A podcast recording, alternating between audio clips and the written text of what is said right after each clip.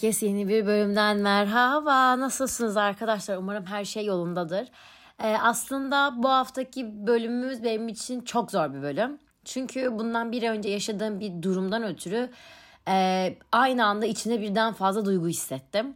Ve e, biliyorsunuz ki ben normalde dertlerimi yatağın altına süpürmeyi severim.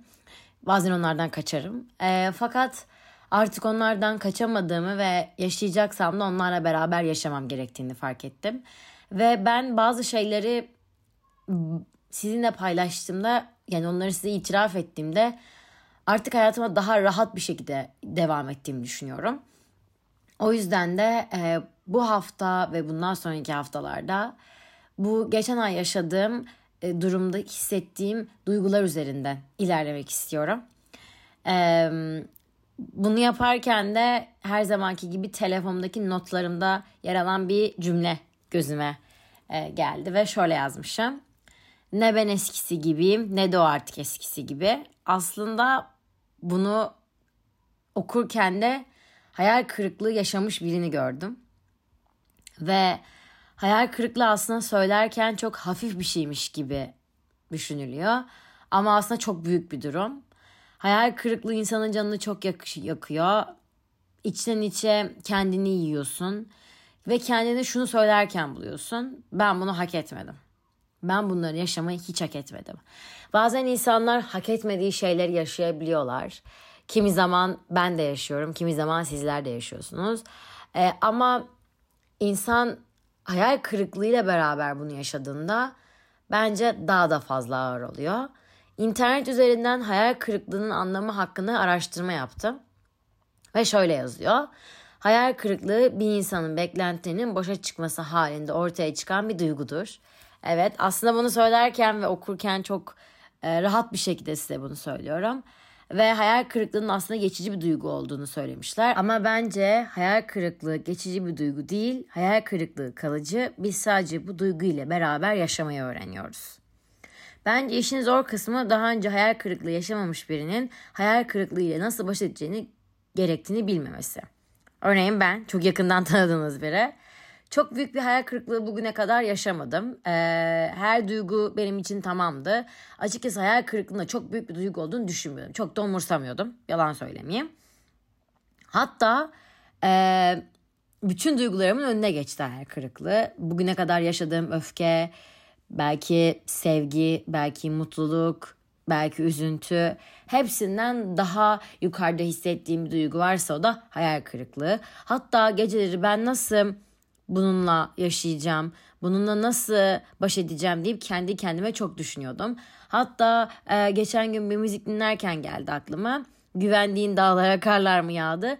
Gerçekten o şarkı tamamen bence hayal kırıklığı için yazılmış. Birine bir kişiye canı gönülden güveniyorsunuz ama sonrasında bir bakmışsınız aslında hayat sizin gördüğünüz gibi değil. Siz kendi kurduğunuz bir dünyada yaşıyorsunuz ama asla öyle bir hayat yok gerçekte. Ama e, biz mutluyduk dediğiniz bir anda hayal kırıklığının dibini yaşamış oluyorsunuz. Nasıl baş edeceğim diye bunu çok düşündüm ve aslında her zaman yaptığım gibi yatağın altına ya da halının altına süpürdüm ilk başta. Çünkü ben güçlüydüm arkadaşlar. Beni kimse hiçbir zaman yıkamaz, yıktırtmam. Ama sonra baktım ki aslında ben hayal kırıklığı yaşadığımı kendime bile itiraf edememişim. İşte dedim bu yüzden bu bölümü yapayım beraber konuşalım. Ve e, geçen haftaki bölüm de aslında buna çok benzer bir bölümdü. E, onda da buna benzer bir şey anlatmıştım. Ondan sonra dedim ki evet ya onu konuşuyorsam bunu da artık konuşmam gerekiyor. Sizin de düşüncelerinizi merak ediyorum açıkçası. Çünkü siz hiç hayal kırıklığı yaşadınız mı? Benim ilk yaşayışım. Belki de ondandır bu dramalarım. Psikologla bunu konuşurken ona ona hissettiğim bir şeyi anlattım ve dedim ki yani ben bunu nasıl baş edeceğim? Ve bana sadece şu cümleyi kullandı. Yetişkin hayatına hoş geldin. Belki bazılarınız için hiçbir şey ifade etmezken benim için bu cümle birden fazla ifade ediyor. Birden fazla şey ifade ediyor. Ben daha önce yetişkin rolü oynayan bir çocuktum ama artık yetişkinim ve beni yetişkinliğe iten şey hayal kırıklığıydı. İnanın öyleydi. Hiç bilmediğiniz hatta hiç tahmin etmediğiniz daha önce tecrübe etmediğiniz bir duygu yaşadığınızda sudan çıkmış balığa dönüyorsunuz. Çünkü bir e, konfor alanınız yok, kendinizi güvende hissetmiyorsunuz ve bir anda hiç bilmediğiniz bir yere taşındığınızı düşünün. Tam olarak öyle hissettim. Kime güveneceğim, ne yapacağım, nasıl yaşayacağım. Yani bir duyguya ne kadar fazla anlam yüklenebilirse ben bir duyguya o kadar fazla anlam yükledim. Tam olarak öyleydi. Yetişkin birey olarak hayatıma devam ettiğine göre de bu duyguyla yaşamayı öğrenmem gerekiyor. Bu duygunun geçme zamanı kişiden kişiye değişiyormuş. Bazı etki, etkenler var. Bazıları için birkaç dakika sürebiliyorken diğerleri için aynı hayal kırıklığı birkaç gün sürebiliyormuş. Hatta belki aylar bile sürebilirmiş. Psikoloğum bana neden yetişkin hayatına hoş geldin dedi diye sürekli bunu düşündüm. Bunun yetişkinlikle ne alakası var? Zaten ben yetişkinim. Yetişkinler ne yapıyor diye kendi kafamda düşündüm. Ve bunun sebebini de buldum açıkçası. Bazen düşünmek mantıklı olabiliyor. Bazen de düşünmemek gerekiyor. Ama ben her zamanki gibi her şeyi fazla düşündüm. Ben olmayan bir şeye inanmışım arkadaşlar. Ben kafamda bir dünya kurmuşum ve ona inanmışım. Hayatımız çocukluk döneminde olduğumuz gibi devam etseydi hep mutlu olurduk, hep yüzümüz gülerdi. Ergenlik döneminde yaşadığımız hatalar veya işte hayal kırıklıklarımız arasında farklar görürüz. Ee, ve bu hayallerin olmadığını gördüğünde de bu durumu yaşarız. Dönüp baktığımda da ergenliğimde annem ve babamın boşanması dışında herhangi bir hayal kırıklığım yok. En azından hatırladığım kadarıyla yok. E, yıllardır aynı insanla beraberim. Hayal kırıklığı yaşayabileceğim çok da bir şey olduğunu düşünmüyorum. İşte aslında o kurduğum küçük ama yalan hayatımda yaşadığım şeylerin yalan olduğunu gördüğümde hayal kırıklığının dibini yaşamış oldum. Ne kadar fazla hayal kırıklığı kelimesi kullandı değil mi? Kullanacağım tabii. Konumuz hayal kırıklığı çünkü. hayal kırıklığı evrelerinde kendi içimde her gece düşündüm. İnanır mısınız? Bir yanda ağlarken bir yandan da aslında kendimi analiz etmeye çalışıyordum. Herkes bana aşırı iyi gözüküyorsun derken aslında ben çok üzgündüm. Çok iyi maske takarım arkadaşlar. Kendim bile inanırım o maskeye. Hani sanki olağan bir hayatmış gibi devam edeyim. Şaşırır kalırsınız o kadar diyeyim size. Önce tabii ki kısa süre bir depresyona girdim. Çünkü gerçeklerle yüzleşmek çok da tatlı bir şekilde değildi yani. Ve hiçbir şey benim düşündüğüm gibi olmadığı için de beni bir anda bunalıma itti. Çalışmasam her gün ağlardım. Şaka yapmıyorum. Her gün ağlardım. E, çalıştığım için de açıkçası ağlamaya vaktim yoktu. Çünkü bir yandan ağlarken bir yandan tasarım maalesef ki yapamam. Ve e, buna şükrediyorum. Gerçekten söylüyorum şükrediyorum. Çünkü boş vaktim olsaydı gerçekten çok kötü olurdu. Sonra bazı şeyleri kabul ettim. Böyle yaşanması gerekiyordu. Yaşandı ve ben suçlu muyum? Hayır. Vicdan rahat mı? Evet. Ve o durumu artık kabul etmeye başladım. Bu ikincisiydi. İlkinde depresyon. Tabii ki depresyon derken bu psikologların anlattığı depresyon değil. Yani çok fazla melankoli halinde bulunmak, ağlamak, işte yemek yememek falan gibi şeyler yaşadım. İkincisine tabii ki kabullenişi yaşadım ve üçüncüsünde inkar etmeye başladım.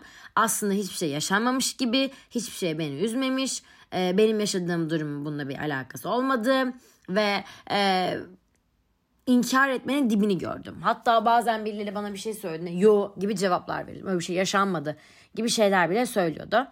E, tabii ki bu da bir süreçte ne zaman tek başıma kalsam yine o depresyon sürecine geri döndüm. Bir sonraki evre olan öfke evresine geçti. Öfke evresi aslında benim sürekli yaşadığım bir evre. Ben genel hayatıma bir tık daha sinirli biriyim. Bu arada bunu söylemem gerekiyor. Ee, dışarıdan da daha sinirli duruyorum. Ama aslında o kadar sinirli bir değilim. Hani. Bazı şeylere büyük tepkiler veriyorum. Ve e, öfke evresinin yanında ben intikam alma, can yakma evresine çok vardım. Belki daha önceki bölümlerimde bahsetmiştim ama ben gerçek bir intikam alma perisiyim. İntikam almayı çok seviyorum. Karmaya inanıyorum evet doğru ama bazen de ayağıma top geldiğinde hiç affetmiyorum ve karşı tarafın canını yakacağımı bilsem bile onun canını yakarım. Hiç affetmem. Birine böyle berbat da davranabilirim. Eğer sevmiyorsam e, çok kötü davranırım. Çok kötü. Yani sizi bir hiçmiş gibi hissettiririm. Sizi bunalıma iterim. Sıfırmış gibi davranırım size. Sizi umursamam ve bu sizi bunalıma iter. Bunalıma derken anlıyorsunuz değil mi ne demek istediğimi? Yani sizi üzer. Ve ben bu süreçte çok kaba tabirle söylüyorum ama tasması yokmuş olan bir köpek gibiydim. Kimden nasıl intikam alacağım? Kimin nasıl canını yakacağım? Ee, hala da açıkçası bu evrede olduğumu düşünüyorum. Hala da intikam almak istediğim kişiler var. Ama içimde olan o kızı susturmaya çalışıyorum. Umarım başarılı olurum. Çünkü olamazsam e, intikam alırım. Ve emin olun intikam alırken çok zevk alıyorum. Hani bunu söylediğime bazen annem çok kızıyor. Böyle bir şey olmamalı falan. Evet oluyor. Eee Bazen intikam alına karmanın bana döneceğini de düşünüyorum. Evet ama içimdekini durduramıyorum. Sessizliğe bürünmesini bekliyorum dediğim gibi. Bunlar benim yaşadığım evrelerde. Anlatırken kolaydı ama yaşarken çok can yakıcıydı. Ee, bu saatten sonra hayal kırıklığı ile ilgili yaşamaya başladım. Ama tabii ki hayal kırıklığı yaşadığım durumla karşı karşıya geldiğinde avazım çıktığı kadar bağırmak istiyorum. Ben bunu hak etmedim ve gerçekten bunu hak etmedim. Ya ben bunu hak etmedim cümlesi çok çok içli ve benim çok yaşadığım durumun tamamıydı yani bu. Ve ben bunu hak etmediğim ve hak etmediğim şeyler yaşadığım için eskisi gibi de olamıyorum. Her o durum ya da yaşadığım kişiler aklıma geldiğinde yüzümde cidden acı bir tebessüm oluyor.